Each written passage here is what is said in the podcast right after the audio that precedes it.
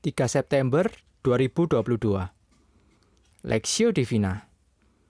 2 Tawarik pasal 34 ayat 8 sampai 33 Pada tahun ke-18 dari pemerintahannya setelah selesai mentahirkan negeri dan rumah Tuhan ia menyuruh Safan bin Asalia dan Maasea penguasa kota serta Yoah bin Yoahas bendara negara untuk memperbaiki rumah Tuhan Allahnya.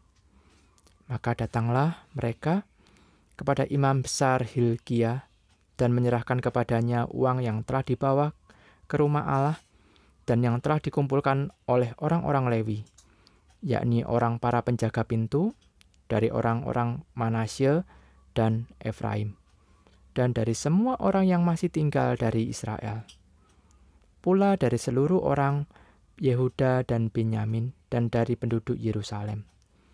Uang itu diberikan mereka ke tangan para pekerja yang diangkut, yang diangkat untuk mengawasi rumah Tuhan. Dan mereka itu yang bekerja dalam rumah Tuhan mengeluarkannya untuk membetulkan dan memperbaiki rumah itu.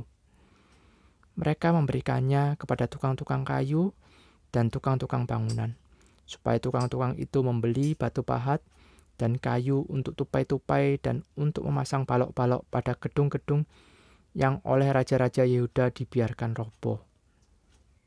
Orang-orang itu melakukan pekerjaan itu dengan setia. Orang-orang yang diangkat menjadi pengawas mereka ialah Yahat dan Obadja. Orang-orang Lewi dari Bani Merari, sedangkan Zakaria dan Mesulam dari Bani Kehat mengepalai semua dan semua orang Lewi yang pandai memainkan alat musik, mengepalai kuli-kuli dan mengiringi semua tukang dalam pekerjaan apa pun.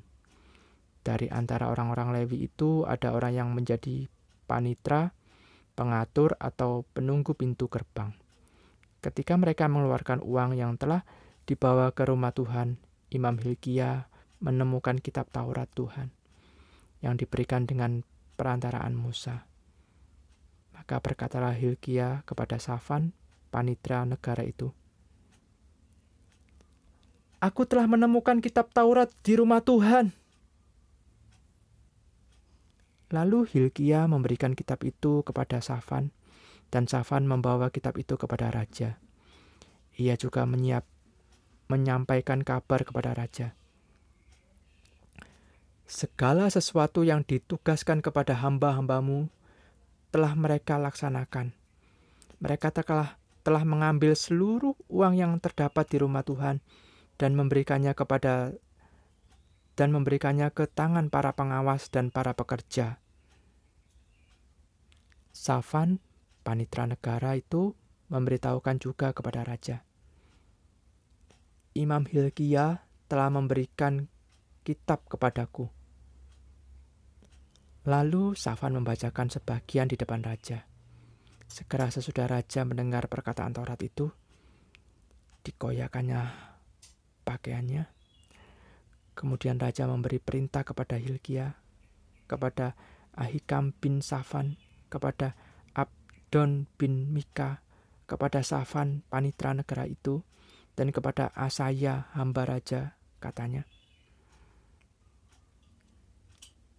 Pergilah, mintalah petunjuk Tuhan bagiku, bagi yang masih tinggal di Israel dan di Yehuda, tentang perkataan kitab yang ditemukan ini. Sebab hebat kehangatan murka Tuhan yang dicurahkan kepada kita. Oleh karena nenek moyang kita tidak memelihara firman Tuhan dengan berbuat tepat seperti yang tertulis dalam kitab ini Maka pergilah Hilkia dengan orang-orang yang disuruh raja kepada Nabiya Hulda, istri orang yang mengurus bagian-bagian, yaitu Salum bin Tokat bin Hasra, penunggu pakaian-pakaian. Nabiya itu tinggal di Yerusalem di perkampungan baru. Mereka berbicara kepadanya sebagaimana yang diperintahkan.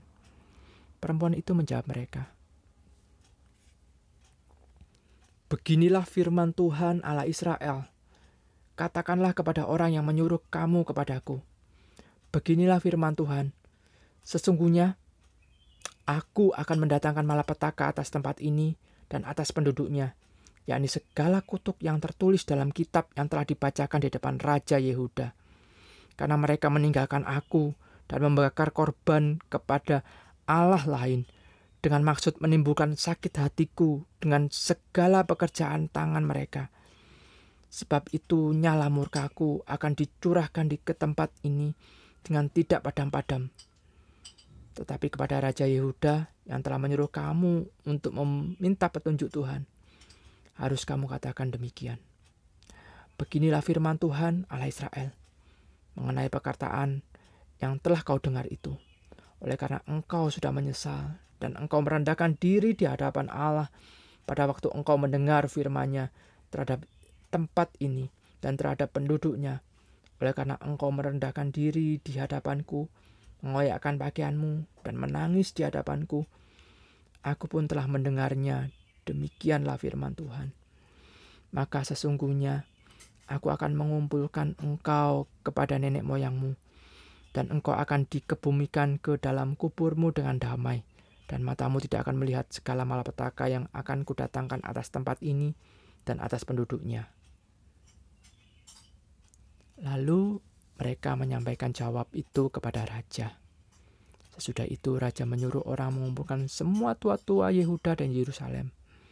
Kemudian pergilah raja ke rumah Tuhan bersama-sama semua orang Yehuda dan penduduk Yerusalem, para imam, orang-orang Lewi, dan seluruh orang awam baik yang besar maupun yang kecil. Dengan didengar mereka, ia membacakan segala perkataan dari kitab perjanjian yang ditemukan di rumah Tuhan itu.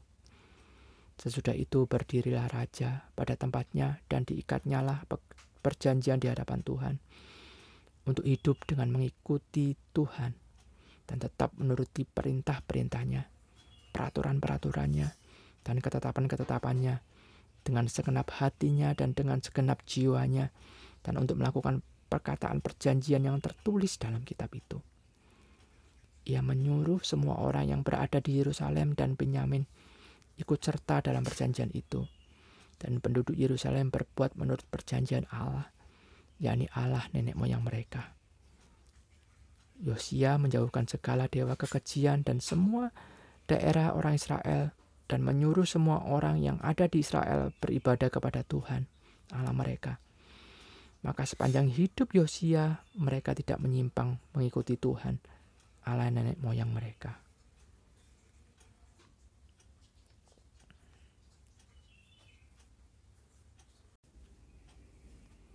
Reformasi Yosia Perspektif Ia menyuruh semua orang yang berada di Yerusalem dan Benyamin ikut serta dalam perjanjian itu.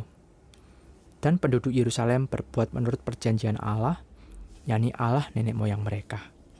2 Tawarik pasal 34 ayat 32. Tidak banyak raja bahkan dari kalangan Yehuda yang disebut punya hidup yang benar di mata Tuhan. Di antara segelintir raja itu, Yosia adalah raja Yehuda terakhir yang dicatat memiliki hidup demikian. Meski ia menjadi raja di usia yang sangat muda, 8 tahun, sejak tahun ke-8 pemerintahan, ia mulai mencari Tuhan, bahkan mulai melakukan reformasi agama yang radikal di wilayahnya. Pada tahun ke-18 pemerintahannya, sekitar usia 26 tahun, ia memerintahkan renovasi terhadap bait Allah. Tanpa disadari, ketika renovasi itu dilakukan, Imam Hilkia ternyata menemukan Taurat Tuhan.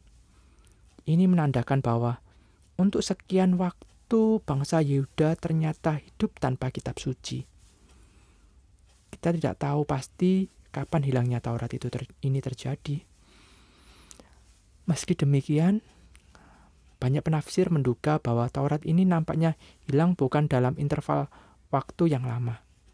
Kemungkinan Taurat itu hilang menjelang akhir masa pemerintahan Hizkia atau pada masa pemerintahan Manasya yang cenderung fasik. Yang jelas, penemuan Taurat ini membawa tiga akibat. Pertama, bangsa Yehuda sadar betapa mereka telah memberontak kepada Allah dan betapa murka Allah menyala-nyala atas mereka. Kedua, penemuan ini memicu terjadinya reformasi agama yang besar di masa pemerintahan Yosia. Bangsa Yehuda memperbaharui perjanjian dengan Allah dan sepanjang hidup Yosia mereka mengikuti Allah dengan setia. Ketiga, karena reformasi agama yang terjadi, Allah memberkati masa pemerintahan Yosia dan menunda penghukumannya atas Yehuda. Kebangunan rohani tidak akan terjadi karena ada banyak orang memiliki pengetahuan mengenai firman Allah. Sebaliknya, reformasi hanya akan terjadi ketika umat Allah sehati bertobat dan menjadikan firman Allah sebagai tuntunan hidup. Selain kisah reformasi Yosia, Sejarah reformasi di abad 16 juga menunjukkan ciri yang sama. Karena itu, bila kita benar-benar merindukan kebangunan rohani di komunitas rohani kita, kita tahu dari mana kita harus memulai. Sehati bertobat dan menjadikan firman Allah sebagai tuntunan. Studi pribadi Bagaimana Anda menilai kesehatan komunitas rohani Anda saat ini? Apa yang bisa Anda lakukan agar ada kebangunan rohani dalam komunitas Anda? Pokok doa agar gereja-gereja Tuhan benar-benar menjadikan firman Tuhan sebagai landasan hidup pribadi maupun berorganisasi. Doakan agar gereja mengambil sikap sebagai umat Allah, bukan sekedar sebagai organisasi.